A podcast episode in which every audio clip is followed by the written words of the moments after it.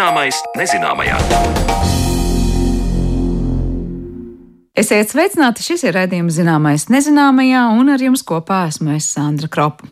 Šodien raidījumu esam veltījuši kosmosam un konkrētāk kādam ļoti eksistenciālam jautājumam, kuru sev uzdevusi neviens vien. Vai mēs esam vieni visā izplatījumā, vai tomēr kaut kur tālu visum otrā pusē ir kāda būtne līdzīga mūsējai? Par pagaidām nesekmīgajiem ārpuszemes civilizāciju meklējumiem runāsim raidījuma otrajā daļā, bet pirms tam uzzināsim, kādai jābūt planētai, lai uz tās varētu meklēt jebkādas dzīvības pazīmes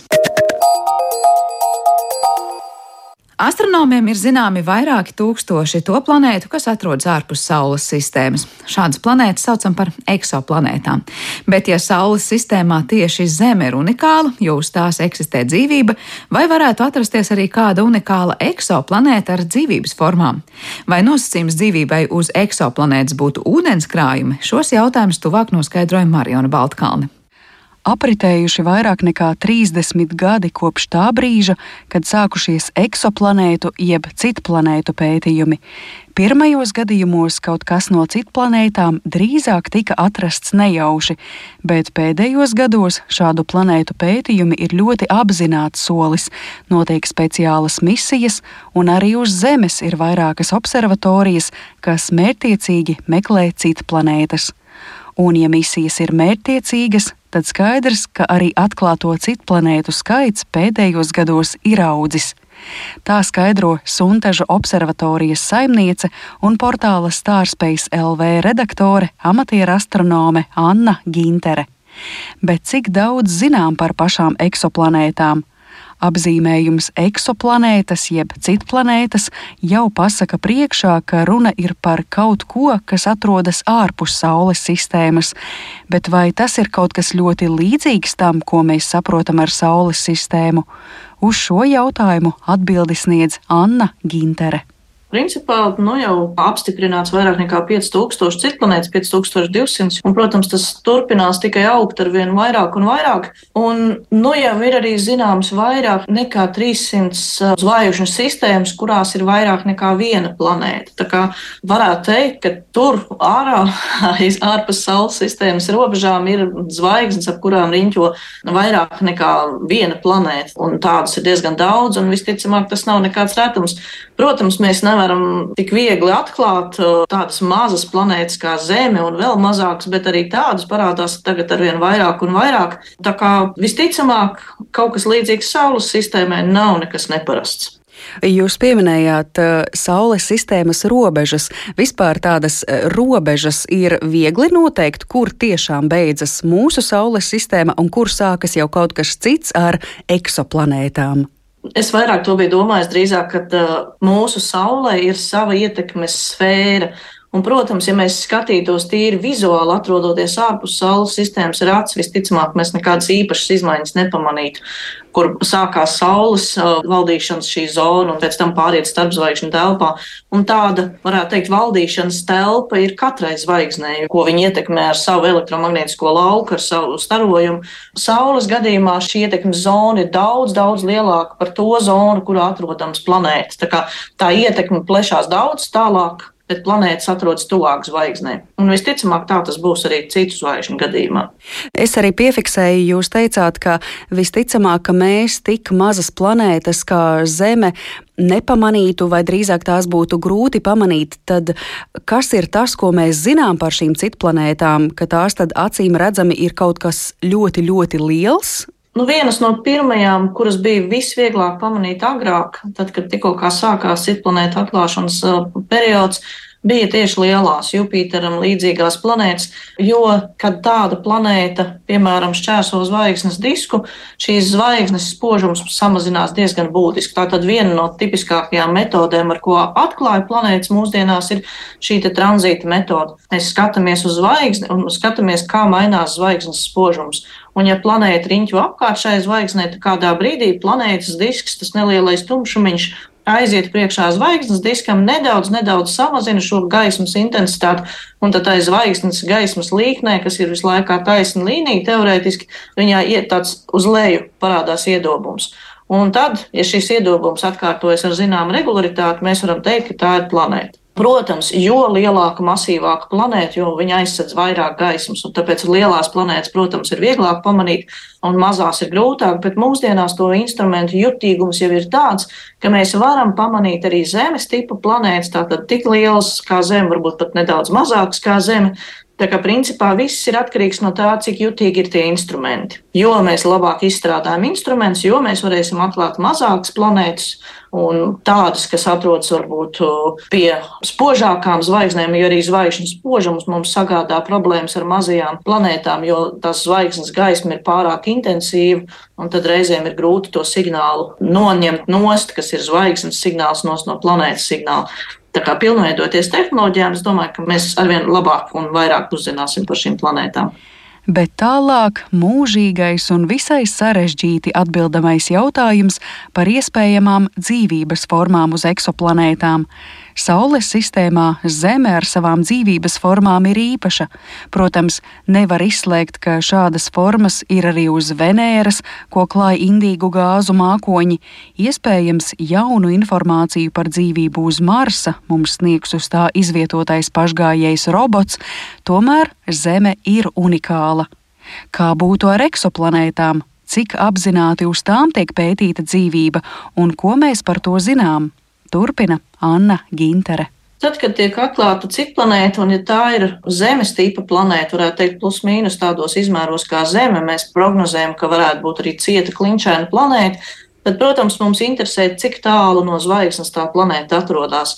Un, ja tā planēta atrodas potenciāli tajā zonā, kur uz virsmas var pastāvēt šķidrs ūdens, ko mēs uzskatām par tādu kā dzīvības pastāvēšanas priekšnosacījumu. Vismaz tām dzīvības formām, ko mēs līdz šim pazīstam, tas ir obligāti sastāvdaļa Un, attiecīgi, tad, ja tā planēta atrodas tajā zonā, tad mēs viņu liekam īpašā grupā. Bet šobrīd ar to iespēju saskatīt, vai tur ir dzīvība vai nav, ir diezgan nu, pagrūti. Mēs varam un ceram, ka ar James Webb teleskopu varēsim pētīt šo planētu atmosfēras, tātad noskaidrot, kādi ķīmiskie elementi ir šajās atmosfērās. Bet mums līdz galam nav skaidrs, kas ir tie indikātori, kas varētu skaidri un gaiši pateikt, jā, uz šīs planētas ir dzīvība. Un tāpēc mūsdienās uh, ir arī misijas, kas skatās no tuvāk vai tālāk attāluma atpakaļ uz Zemi. Mēs skatāmies uz šo vienīgo planētu, ko mēs pazīstam kā planētu ar dzīvību, un mēģinām saprast, kas ir tās īpašības, kas ir tie raksturlielumi, kas mums varētu palīdzēt saprast un identificēt, vai uz šīs planētas eksistē dzīvības formas vai nē. Tā kā principā mēs apgūstam savu planētu, mēs mācāmies saprast no tuvākiem un lielākiem attālumiem, lai varētu pēc tam studēt šīs tālās planētas, jo tās gaismas apjoms, kas tiek saņemts no šīs planētas, ir ārkārtīgi niecīgs. Nu, tas ir parasti, kad cilvēki mēģina iztēloties, tad es stāstu, kad iedomājieties, jums ir desmit km attālumā stāv lampa iedegta un tai garām lido ots. Un tad no šī niecīgā daudzuma, no šīs niecīgās gaismas izmaiņas vai no kādiem citiem pavisam niecīgiem parametriem jums jāmēģina izvilkt maksimāli daudz informācijas par šo planētu. Tā kā arī šeit tehnoloģijām progresējot, mēs uzzināsim noteikti daudz vairāk par šīm planētām. Bet te ir tas lielais jautājums, kas ir tas, kas pasaka mums, ka uz šīs planētas ir dzīvība. Un to, protams, vismaz tādu dzīvību, kā mēs pazīstam, mēs varam to noskaidrot pētot Zemi.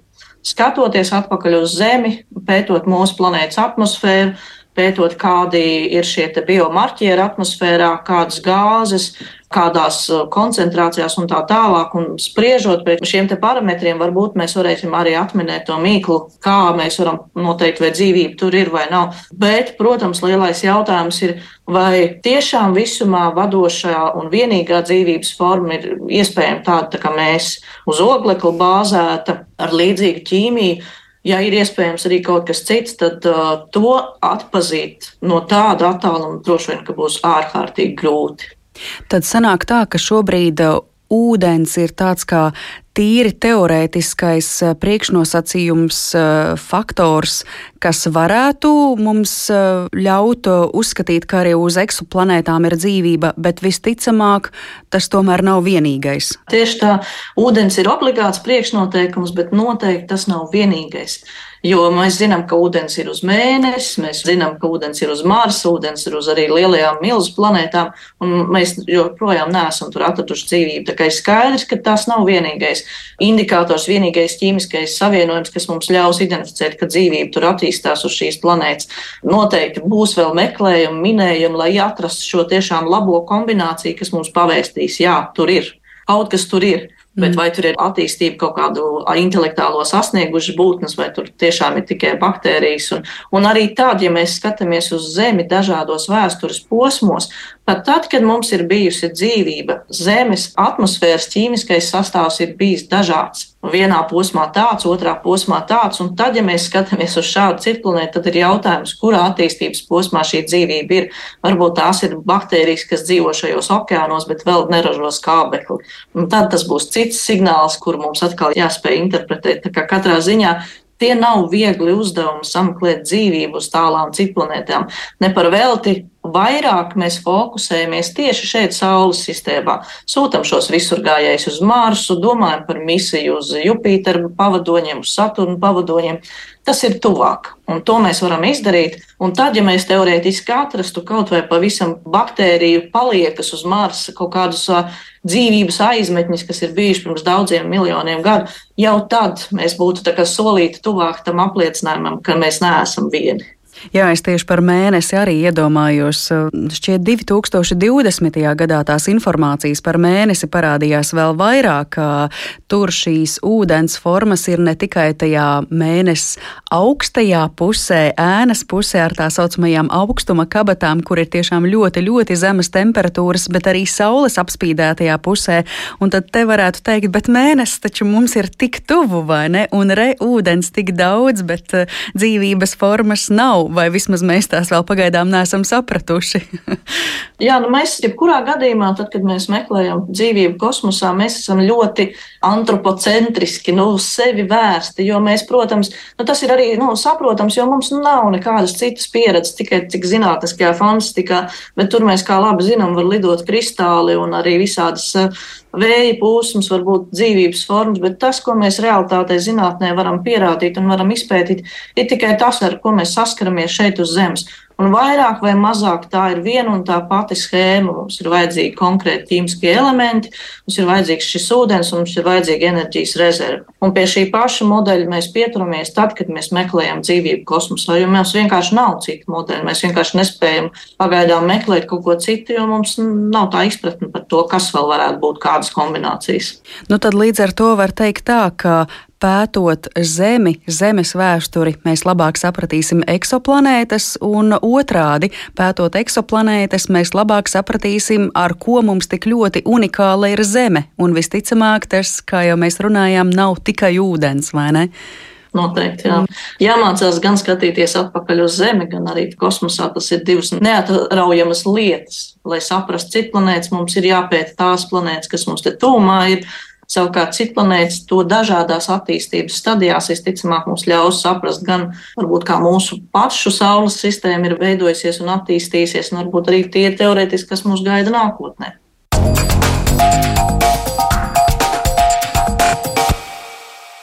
Paldies Marionai Baltkalnē par sarunu ar Stārspace observatorijas saimnieci Annu Ginteri.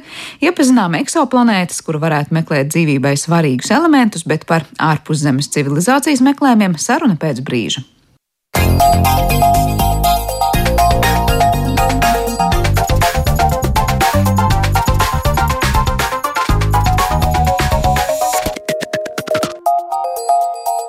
Zināmais nezināmajā.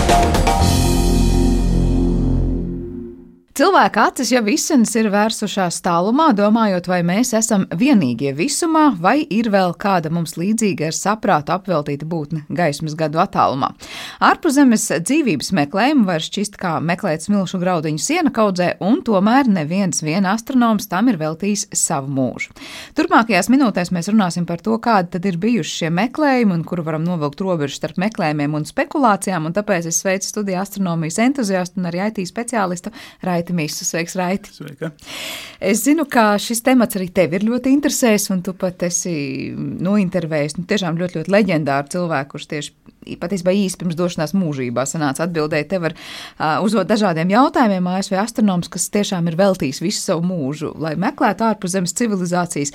Es sākušu ar to, nu, cik ļoti nopietns šis jautājums ir tiešām tādā astronomijā.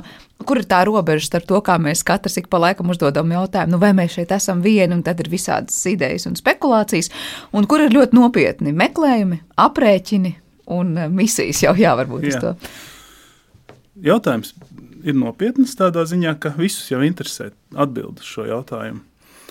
Un te jāsaka tā, ka ir jānodala divas lietas. Ir civilizācija, kas ir inteliģents tādā izpratnē, kā mēs to saprotam, un vienkārši dzīvība kā tāda, ko varētu atrast, piemēram, tepat uz Marsa, kas nemaz nav izslēgts, bet, protams, atrast vēl nav, lai neradītu domu, ka kaut kas kaut kur būtu atrasts. Šobrīd nekas nekur atrasts nav, un viss tas, kas ir, tas ir vairāk tā kā zinātniskā fantastika, kāda cilvēka iedomas, kāda vēlme, vēlmes, ka tas tā būtu, bet tādu pierādītu faktisku atklājumu un konstatējumu šobrīd nav ne par mikrobu izmēru, ne arī par inteliģentu. Nu, civilizācijas dzīvību. vēl jau vairāk mēs vēl Jā. neesam atraduši, bet es saprotu, ka visas šīs vēlmes klausīties, uztvert signālus, tas nav tā, ka ir viens kāds entuziasts, kurš to ir izdarījis un savā mājā uzstādījis kaut kādu dīvainu apatūru. Tie ir diezgan nopietni centieni. Jā, šobrīd jau lielā mērā arī pateicoties jau minētajam Frankam Dreikam, kurš ir viens no, kā tu minēji, pamatlicējiem šai iniciatīvai meklēt šo ārpuszemes inteliģenci. Jā, viņam pateicoties un daudziem citiem, protams, Karlam Saganam, jāmin un daudz citu cilvēku, ir šie pētījumi notiek, ir finansējums, tiek veikti ar vien jaunu novērojumu, un galvenais novērojuma virziens ir radioastronomija, mēģinot uztvert šo civilizāciju pārraidītos signālus. Kas būtu tas civilizācijas pārraidītais signāls, lai to nesajaukt ar kaut ko citu, un kas būs nu, nepārprotama zīme, ka tie ir kādi, kas ar mums vai netīši vai netīši sazinās? Nu, tur ir jautā, tas ir jautājums signālu speciālistiem, bet ir zināmi tie signāli, kas ir dabiskie, un ir zināmi tie signāli, kas ir nu, mūsu civilizācijas radītie. Un, un bija pat nesen gadījums, kad no kāda radioteleskopa savāktos datus iedeva mākslīgiem intelektam paskatīties. Nu, protams, speciāli sagatavotam mašīnu mācīšanās. Tā ir nu, jāsaprot, mākslīgais intelekts arī tāda stipri nosacīta lieta. Bet ir šie mašīnu mācīšanās algoritmi, kas spēj iet cauri datiem un atšķirt, piemēram, kvazāra signālu no GPS pavadoņa signāla. Un pateikt, labi, šie signāli ir mums zināmi, tos mēs liekam maliņā, neapskatām.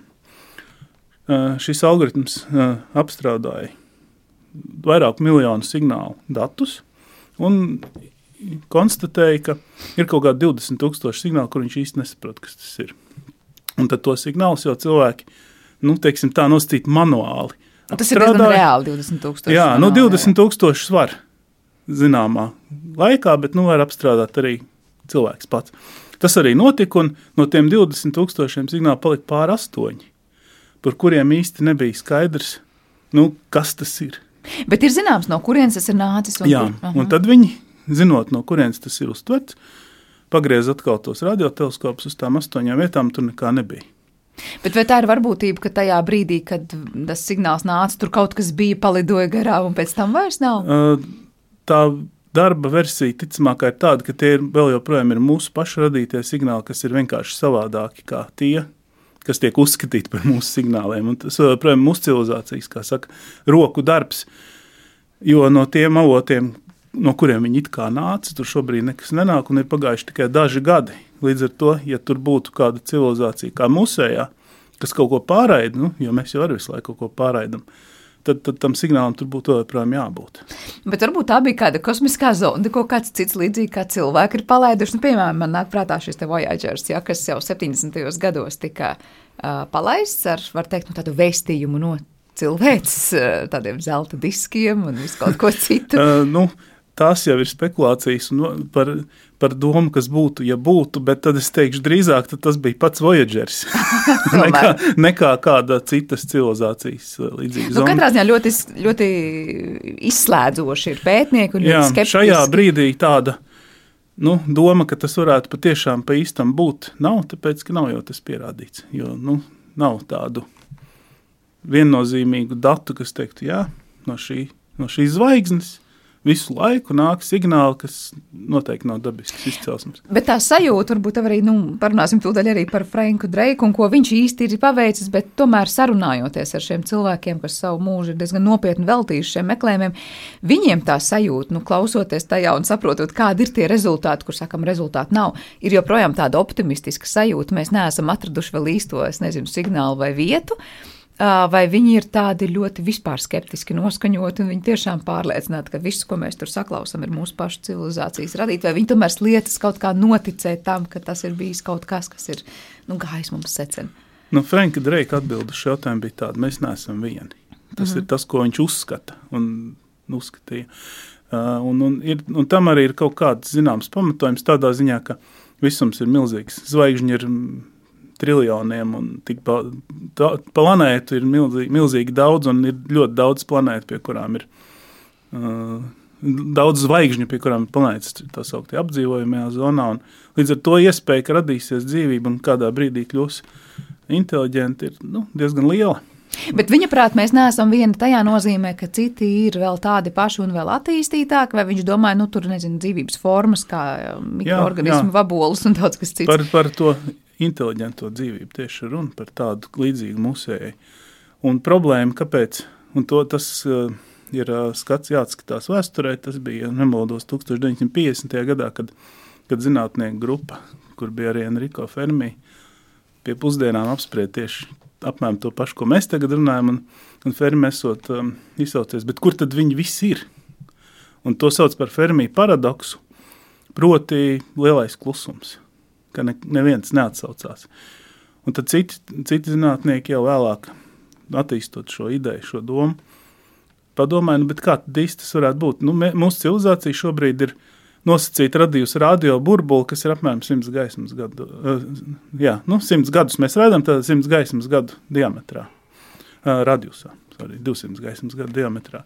Un tas ir tas atoms, kurā jebkurš cits, kas mūs klausītos, sauli radioteleskopā varētu dzirdēt un saprast, ka tie signāli Viņi arī tātad uztvērtu mūsu kaut kādu Viņi uztvērtu mūsu tur radioskonto vēl Latvijas radio viens un, un teikt, jā, šis signāls nav dabisks izcelsmes, mēs to varam droši pateikt, jo pēc signāla formas to noteikti tur Tas ir nu, viennozīmīgi nosakāms, ka tas nav dabisks izcelsmes signāls. Ja vien nav kaut kāds pilnīgi jauns, mistisks, nezināms, dabiskais avots radies, bet nu, tas ir ļoti, ļoti maz varbūtīgi. Bet tas nāk mūsu nedzird tāpēc, ka mūsu tas diametrs rādījus sauksnēm vienalga, bet šajā gadījumā ir pārāk mazs. Jā, lielo attālumu dēļ. Tas viss ir iemesls tam. Bet mēs esam arī smilšu graudiņš, jā, kas ir jāmeklē. jā, mēs esam milzīgā 92 miljardus gaismas gadu lielā visumā. maziņas, simts gaismas gadiņas tikai piesārņojuši savu radio troksni. Un tas uzskats tāds, ka ja kāda civilizācija, kas mūs sadzirdētu, atbildētu, mums tas, protams, prasītu laiku, bet tas, kā viņi to sauc, kontaktu periods, varētu sākties apmēram pēc kādiem 400 gadiem. Patiesībā īsti nereāli, pat ja kāds mūsu sadzird šodien Jā. un izdomā kaut ko atbildēt, tad tie, kas uztvers signālu, ja tāds tiks sūtīts, mums būs pēc 400 gadiem, kas varbūt nesapratīs, kas ir tas, ko viņi uztver, jo viņi Jā. neko nav sūtījuši.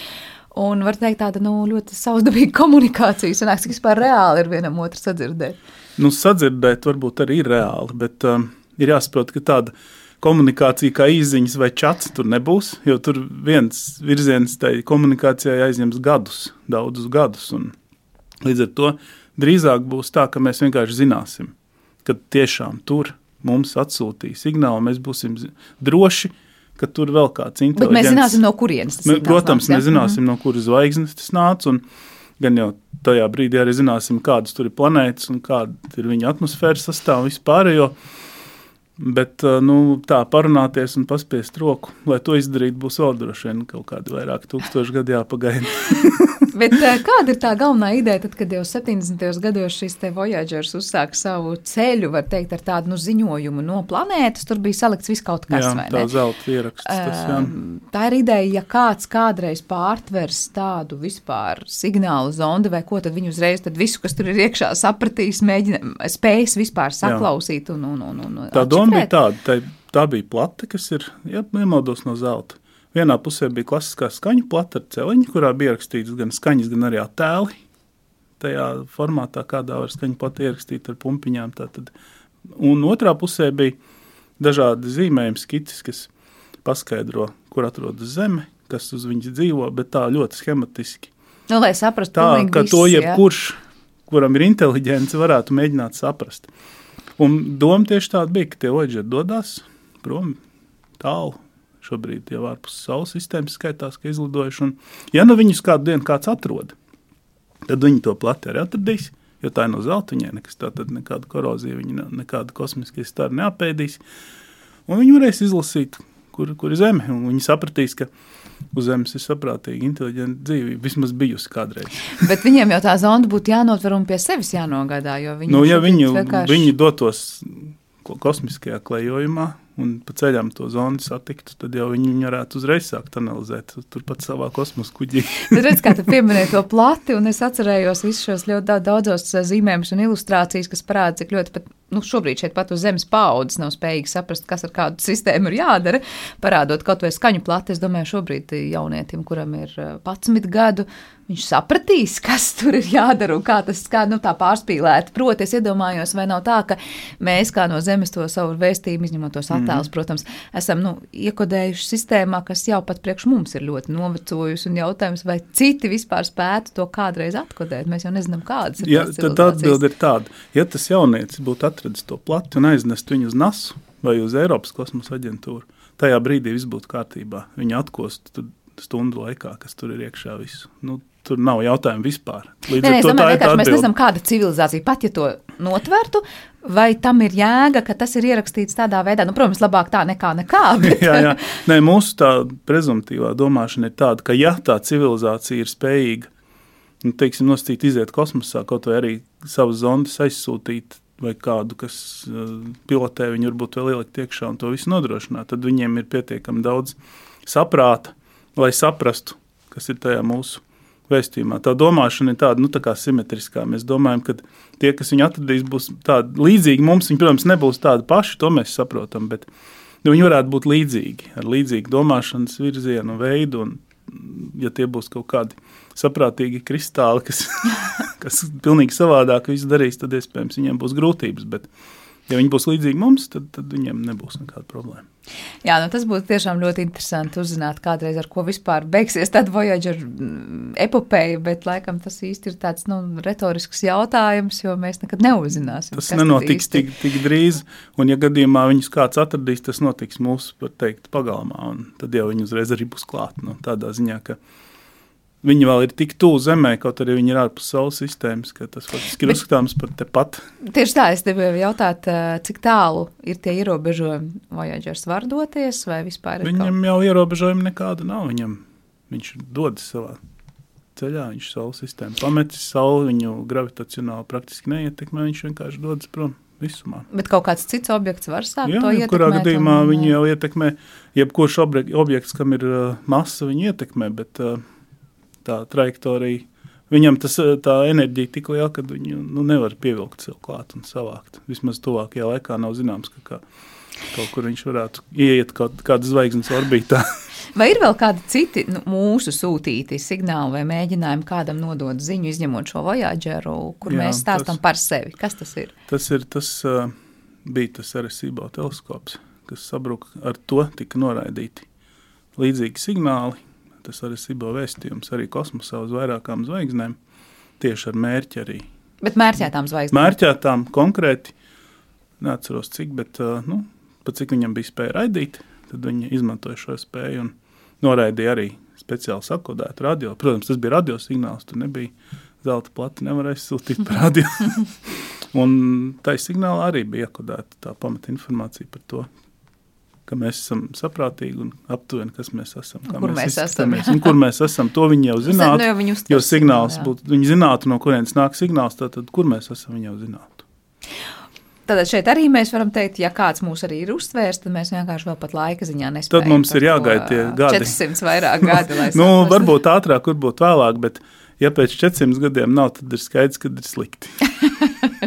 Tad mums ir jāatstāj tiešām visām nākamajām paudzēm visas iespējamās instrukcijas Jā. uz zemes un jāsaka, kas būs, ja jūs gadījumā kaut ko mm. uztversiet, jo tad un tad mēs raidījām. Uh, par Franku Dreiku runājot, nu, tošām, tiešām leģenda ASV astronoms, kurš tiešām ir daudz runājis un daudz darījis mm, dažādos projektos iesaisties arī šajā pašā Voyagerā, es saprotu, vai ne? Viņi, vi, viņš bija viens no tiem arī, kas piedalījās projektā kopā ar Karlu Saganu tieši to publisko, daļu, publisko attiecību daļu ar citplanētiešiem, to platas veidošanu. Viņš bija iesaistīts tur, un, protams, ne tikai daudz kur citur arī, bet tā skaitā. Tā ir unikāla iespēja, ka tur viņu sanāca vēl e-pasta starpniecībā, varēja arī uzdot pāris jautājumus. Kas bija tās galvenās lietas, ko jūs pārunājāt, un varbūt, nu, kuras atbildes tās, ar kurām tu esi gatavs dalīties? Es saprotu, gan ar žurnālu zvaigžņotā debesu lasītājiem, jo intervija tajā Jā. ir lasām, gan arī mūsu klausītājiem. Nu, jāsaka, nekādi jau tur unikāli jautājumi nebija. Viņi tie jautājumi jau bija visi tādi parasti. Un nekā, neko tādu, kas būtu ārpus tā, ko visi jau, kam interesē, zina, nebija. Bet, nu, kā jau teicu, man vislabāk patīk tā viņa atbilde, ka mēs neesam vieni. Tas bija tāds nu, pārliec, cilvēks, kurš ir pārliecināts par, par to, ko dara. Nu, tā varētu teikt, kā mēdz teikt. Un, uh, tas bija tas, kas man visvairāk uzkrita. Tā vienkārši, protams, viņa loma tieši ārpuszemes civilizāciju meklējumos ir teikt, uh, izšķiroši, jo ir šis sauktais drēka vienādojums arī. Ko tas īsti paredz vai palīdz atrisināt? Um, šis drēka vienādojums, un kā viņš pats arī uzsver, tas, protams, ir vienādojums, kas ir nu, matemātiska formula, bet viņa mērķis nebija. Viņa ar to vienādojumu var iegūt uh, mūsu saules, ne, mūsu galaktikā esošo tehnoloģiski attīstīto civilizāciju skaitu. Ar domu, ka tās ir tādas, kas varētu ar radio palīdzību ar mums komunicēt, komunicēt mūsu galaktikas uh, ietvaros. Tas ir aprēķins. Bet tas ir nāk, matemātisks aprēķins par to, kādā vispār mērogā mēs varam mēģināt sapņot ar Jā, ar to par domu, cik tad varētu būt mums līdzīga civilizācija mūsu galaktikā. Un kā to var pārbaudīt, kā aprēķins? To pārbaudīt nevar. Tur ir virkni parametru, kuriem ir um, liela variācija. Viņi var būt ar lielu izklaidi viņu vērtības. Līdz ar to tas skaits ir no nulles līdz dažiem miljoniem, ko var iegūt ar šo formulu. Ko ar to atbildi pēc tam darīt? Ar to atbildi, atbildi un tas, ko arī Treiks ir teicis, tā formula jau nebija ar mērķi tiešām noteikt šo civilizāciju skaitu, bet ar mērķi radīt interesi un veicināt publikas un arī zinātnisko aprindu cilvēku domāšanu par to, lai viņi pievēršās šo citu planētu meklēšanas jautājumam. Un, un tas bija tas mērķis vienkārši nu, popularizēt to. Visu. Bet tad sanāk tā, liekot lietā viņa vienādojumu, vienalga tā atbilde. Ir no nulles līdz cik tu teici? Nu, pāris, da, līdz daudz. Līdz, līdz ļoti daudz.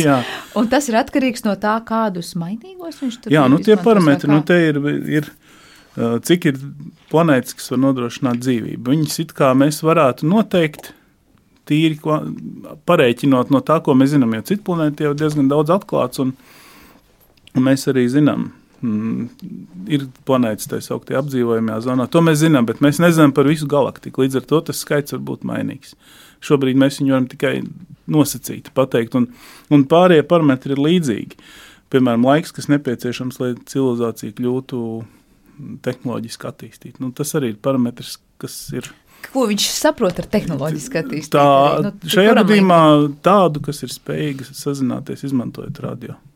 Nu, citu variantu šajā brīdī nav. Bet nav tā, ka vienai civilizācijai tas prasīs pie vieniem apstākļiem vienu tas laiku. Tas ir tas, ko es gribēju teikt, ka šis parametrs var būt ļoti mainīgs. Līdz ar to arī tas rezultāts ir mainīgs. Un Tie, protams, zvaigžņu skaits arī ir viens no parametriem. Tas ir diezgan labi zināms. Un planētu skaits arī diezgan labi zināms. Bet tie pārējie parametri rada šo izklieti rezultātu. Tas zvaigžņu un planētu skaits arī mainās. Tomēr nav tā, ka mūsu zināšanas iet uz kaut kādiem lieliem soļiem uz priekšu. Viņš tas mainās, bet viņš mainās tur, kā mēdz teikt, kļūdas robežās. Jo kāda, kāda zvaigzne uzsprāgst, kāda rodas no jauna. Un tas vidējais skaits galaktikas ietvaros ir diezgan stabils šobrīd. Un atgādini, tātad, cik ir to potenciālo zvaigžņu vai planētu, kur mēs varam teikt, nu vispār varētu būt? Nu, potenciālos, kur varētu būt, tā tad ir no nulles. Līdz, līdz dažiem miljoniem. Līdz dažiem miljoniem. Jā, jā nu diezgan, diezgan ievērojami. Jā. Kā ir pašam, es nezinu, tev uz, nācās uzdot jautājumu un sajust to sajūtu, ko Franks Dreiks pats domā, jo no vienas puses.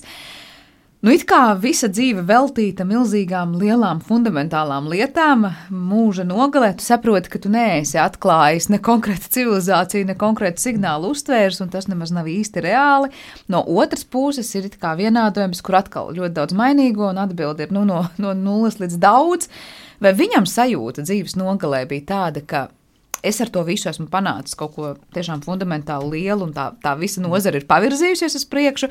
Vai bija tāda sajūta, nu, pūles ieliku, bet palikām gandrīz pie tā paša, kur bijām? Drīzāk noteikti pirmais tādā ziņā, ka viņš saprot, ka viņa darbības, un viņš jau nav darbojies kaut kur, viņš ir piedalījies SETI, kas ir ārpuszemes inteliģences meklējuma institūts, tā dibināšanā ASV un veic šos radio novērojumus Tā skaitā arī pats piedalījies tajos, jo viņš jau arī ir profesionāls astronoms. Un, un skaidrs, tā sajūta pilnīgi noteikti nebija pesimistiska, jo gal galā tas viņa teiciens, ka mēs neesam vieni, tas jau vien parāda to emocionālo nu, sajūtu, sajūtu protams, par viņš... to, ko, kā, kā viņam ir veicies. Nu, tā vienkārši runājot. Turklāt, var teikt, viņš aizsāka šo nozari, izveidoja nozari. Savā ziņā meklēt. viņš bija no pamatlīdzekļa, nevienīgais, bet viens no jo viņš bija iesaistīts tieši sākumā TSET institūta radīšanā, un tie arī bija tie nopietnākie pirmie pētījumi tieši radio novērojumos ar mērķi, tieši speci specifisku mērķi meklēt šīs ārpuszemes inteliģentās civilizācijas. Pirms tam visādas bija domas, tur jau senie grieķi domāja, kas varētu dzīvot uz mēnesi, skatoties. Un, jo nu, skaidrs, mēnesis ir kaut kāds objekts, ka tur varbūt arī jau mēs uz Zemes dzīvojam, kāpēc nevarētu uz mēnesi dzīvot. Viņiem tāda filozofija ir. Tad ieraugot citas planētas, tu, tad, man liekas, kāpēc tur nevarētu jā, būt. Tālāk, kad jau sāka attīstīties teleskops, skatījās uz Marsu, un tad tajā miglu bildē ieraudzīja kanālus un sāka domāt, ka tur dzīvo arī civilizācija, un tā tas viss cilvēks jau savu prātu liek lietā līdz ko viņam ir kaut kas, par ko domāt. Tad var teikt, tas aizsākās līdz ar antīko pasauli, ja, kad vispār sāka tās domas, domāt. Eh, par domas to. par to, ka varbūt ka ne uz zemes viss tikai notiek, bet kaut kur vēl tādas ir jāno. Bet nopietni par to sāka runāt tad, kad sāka attīstīties kaut kāda optika. Kad sāka redzēt, ka tās sauktās zvaigznes, tas pats Mars, ka tā izrādās planēta, ka tā nemaz nav zvaigzne. Un, Un kad varēja viņu pievilkt tik tuvu, ka viņi jau kļuva par objektu ar kaut kādām detaļām, tad arī sāk domāt, ka nu, varbūt ka tie kanāli, varbūt ka tur kāds ir izracis viņus un kaut ko tur dara. Bet tad, kad, piemēram, sāk vairāk runāt par Zemē līdzīgām planētām, tas bija tāds milzīgs solis uz priekšu šajā idejā un izpratnē par to, nu, ka tur arī jābūt, nu, nezinu, līdzīgiem. Nu, tas mums. jau ir tāds, nu, mūsdienu, var teikt, jā, no 90. uz priekšu, pat vēl vēlāk, kad atklāja to, ka tiešām citām zvaigznēm arī ir cietas planētas, un ir dažas, kurām viņas turklāt atrodas tik tālu, ka tur var būt šķidrs ūdens uz virsmas. Un tad arī nopietni sāk runāt par to, ka nu, var būt līdzīgi apstākļi kā uz Zemes. Un tad līdz ar to arī var būt, ka varbūt rasties arī kāda vismaz mikrobu līmenī dzīvība, un skaties, paiet miljardu gadu, un kāds tur sāk staigāt un domāt. Dažreiz ir izskanējuši, es nezinu, vai tā ir tāda kā entuziastu līmenī tikai vai fantastikas līmenī ideja, ka varbūt ir problēma tāda, ka mēs meklējam tieši tādus pašus kā mēs, bet varbūt ir citas civilizācijas, kas ir vienkārši krietni atšķirīgas. Nu, gan, es nezinu, varbūt tur no tiem ķīmiskiem elementiem, no kuriem mēs esam būvēti, tur varbūt pilnīgi ne tuvu nav cilvēki. Ja jautājums, cik ļoti nopietni tādas idejas tiek uztvertas, ka tās citas civilizācijas, nu, to, ko arī Dreiks teica, mēs neesam vieni viņi var būt pilnīgi nelīdzīgi mums. Izslēgt jau, protams, to nevar, jo neviens jau nezina, kā tā attīstība varētu notikt. Varbūt savādākos apstākļos, vai, vai nezinu, vēl kaut kā savādākā veidā. Varbūt kāda vieta ir, kur vispār kāda alā kāds ir radies un sācis domāt, bet par to jau nav runa. Mums jau tas, un kāpēc mēs runājam tieši par tām tehnoloģiski attīstītajām. Jo skaidrs, ka tā doma, ko tu saki, pieļauj to, ka ir tādas attīstītas civilizācijas, kurām vispār tehnoloģija nav. Viņas dzīvo uz savas planētas, bet viņas nekad nav kļuvušas tehnoloģiskas. Un mēs viņus nekad nedzirdēsim. Un mēs viņus jā. nekad nedzirdēsim. Un tas, ko mēs varam šobrīd ar esošiem rīkiem, kas mums ir pieejami, uztvert, ir tikai tādas, kuras ir spējīgas pārraidīt šos radiosignālus. Vai nu varbūt spīdināt ļoti jaudīgu glāzeru, piemēram. bet mēs to neskatāmies. Ja viņi to dara, tad, tad mēs to saucam katru savā, var teikt, kanālā un tumšā klusumā, ja, un nes, nespējam jā. viens ar otru varbūt sazināties. Bet tu pieminēji arī šo te SETI institūtu, tātad, kas vispār ir veidots, lai klausītos šos jā. te ārpuszemes civilizācijas signālus un nopietni to meklētu. Parasti par astronomiju runājot jau cilvēkiem liekas, nu, tur ir milzīgi līdzekļi un jautājums, ko mēs iegūstam, un tad mēs gribam to praktisko vai nesaprast, nu, tad sakam, jā, aizlidosim tur uz Marsu, bet ne tikai izpētīsim, kas tur ir un iemācīsimies varbūt tur izdzīvot kādos noteiktos apstākļos pie reizes uz Zemes radīsim tehnoloģiju, kas tur palīdzēs sākot vienalga no lāzera korekcijām, redzes korekcijām, daudz kam citam. Ja? Vai šajā jomā, kas ir tāda nu, ļoti, ļoti liekas, tāda eksotiska, pat varbūt nu, luksus lieta, vienkārši jā. sēdēt un meklēt ārpuszemes civilizāciju. Um, ir tas pamatojums, ko mēs arī tīri praktiski iegūstam, kamēr mēs mācāmies tur atkodēt tādus signālus, vai uztvert, vai pārraidīt, vai noraidīt. Vai tas ir tāds, nu, tad, kad mums ir pietiekoši daudz laika un naudas ar to nodarboties, tad mēs varam vienkārši to savu ziņu kāri apmierināt. Nu, tas šajā gadījumā ir gan, gan, jo skaidrs, ka veidojot šos radioteleskopus ar kaut kādu konkrētu mērķu, šajā gadījumā tieši uztvert šos signālus, ir iesaistīti cilvēki, kas domā, kā viņus uzlabot, veidot viņus ar lielāku jutību, vēl kādus parametrus uzlabot, un tādējādi mēs iegūstam kaut kādu labumu. Es nepateikšu tagad precīzi kādu, bet noteikti tīri savās tehnoloģijās uzlabojums, kas kādā brīdī noteikti arī noderēs tautsēmniecībā, kā saka. Un no otras puses, protams, tas ir, kā tu saki, sava veida luksus, jo nu, tāda uz maizes smērējama tieša labuma jau no tā visa nav. Tas ir vairāk prātam cilvēkiem, kas domā, vai mēs esam vieni vai neesam. Un, un es domāju, ka ja tas jautājums tiktu atbildēts jā vai nē, nu nē, visdrīzāk tur ļoti, ļoti ilgi jāgaida. Bet ja tas jānāktu, tad, tad tas arī noteikti radītu zināmu zināmas izmaiņas sabiedrībā, cilvēku domāšanā un, un radīt kaut kādas sociāli, soci, kā saka, sociāli ekonomiskas sekas, jo nu, skaidrs, ja mēs zinām, ka ir, ir, ir kaut kur tie zaļie cilvēciņi, tad mēs uz pasauli sākam skatīties savādāk. Vai mēs ieraudzīsim, ka viņi nemaz nav zaļi nu, tas, protams, bija kā tā, joks. Bet nu, vairāk paplašinot to, ka tas ir atkal izkāpt ārā no tā sava redzējuma par to, kādu mēs sagaidām. To, Jā, to, to tā ir skaitā, un tas būs tas moments, Bet viņi tiešām ir. Bet es saprotu, ka pilnīgi tas izklausās savādi, bet ir vesels protokols, kas nosaka, piemēram, ja mēs uztvertu tagad kaut kādu signālu, vai kāds ar mums sāktu mēģināt runāt, ir pagājuši tie, varbūt pirms 400 gadiem, piemēram, kādam sūtītie signāli. Kurš runātu, kurš saprastu, kā, kas ko darītu, nesāktos hausa pasaulē, kurš ir atbildīgs par tādu sarunu vešanu? Jā, vispār? par šo ir bijis pētījums, un tas secinājums ir tāds, ka ja kaut kas tāds notiek, to uzreiz momentā ir jālaiž publikā. Par mm. publiski pieejamu līdz pēdējiem bitam. Visu informāciju jā, jādalās, jādalās ar publiku, jo pretējā gadījumā, ja nu, iedomājies atlidos tagad tev lidojušais šķīvīts nolaidīsies Ziemeļkorejā un teiks, re, mums ir lāzera ierocis. Dodiet mums tur tonu akmeņu, mums tie jūsu akmeņi tādi patīk, tur mums viņus vajag. Jums būs reku desmit blasteri vietā. Nu, kas notiks? Un, ja viņi to patu, patu, paturēs šo, šo tirzniecību ek, ekskluzīvu sev Ziemeļkorejai, tas būs ļoti liels ziepes. Un, un, ja tas tā notiks, mēs, protams, īsti neko darīt nevaram. Bet, ja tas notiks jebkur citur pasaulē, tad ar tieši šādu mēģi, lai tas nekļūtu par kādas vienas lielvaras ekskluzīvu darījumu, nu, runāsim, kā ir. Mm. Gan jau tur būs arī komercijas moments, ja tas būs mums līdzīgs Protams. Kā saka, atlidojušo cilvēku, vai kas nu tas būs kopums. Un, un līdz ar to ir jāsaka publiski, viņi ir, kur viņi ir, redz, ko interviju, mēs viņam parunājāmies, un lai visi zina, ka tas notiek, lai nav tā, ka kāds kaut ko tāpat mēģinās pa kluso sarunāt, bet lai tā iespēja būtu pēc iespējas mazāka.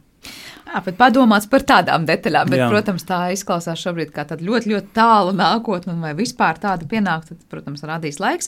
Bet noslēdzot šo sarunu, vai jebkurš, kurš nav ar astronomiju saistīts, cilvēks ir um, arī spējīgs pielikt savu roku kaut kādu signālu analizēšanā vai kaut ko darīt. Protams, mēs runājam par šo citizen science, jeb vienkāršās tautas iesaistīšanos. Es zinu, ka tu Dreikam jautāji, vai var darīt kaut ko tāda maza valsts kā Latvija, kurā ir varbūt entuziasms un vēlme domāt mm -hmm par šīm lietām, bet nu, mēs nekad nekļūsim par SETI institūtu sastāvdaļu vai, vai, vai bāzes vietu.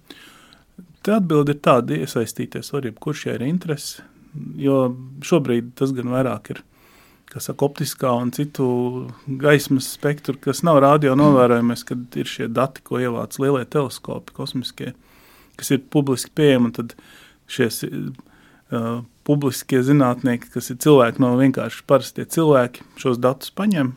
Viņiem ir interesi, viņi kaut ko atrod jaunas komētas, soho bildēs un tā tālāk. Kas, protams, vairs nenotiek, jo tur viss sen ir atrasts. Tāpēc, kad, nu, tas bija tāds vilnis, kad sāk, sākās šo privātu personu atrast to komētu daudzums. Tas ir pagājis, tur varat neiet, tas ir iztērēts. Bet um, ir citas lietas, kur arī var līdzīgi darboties. No galvas precīzi nepateikšu, bet esmu pārliecināts, ka arī ārpuszemes civilizāciju meklējumos var iesaistīties entuziasti. Savulaik bija tāda iespēja, ka varēja savu datoru resursus ziedot uh, šo signālu apstrādēji, bet es saprotu, ka šobrīd tas vismaz tik es zinu, nenotiek, jo tie resursi, kas ir pieejami viņiem pašiem, ir pietiekami. Lai, nu, tas pats galā, mašīnu mācīšanās algoritms, viņš jau darbojas jau jau vairāk uz viņu, viņu vietā, superdatorā, kur īsti tur vairs pasaules pilsoņu datoru procesori nav vajadzīgi.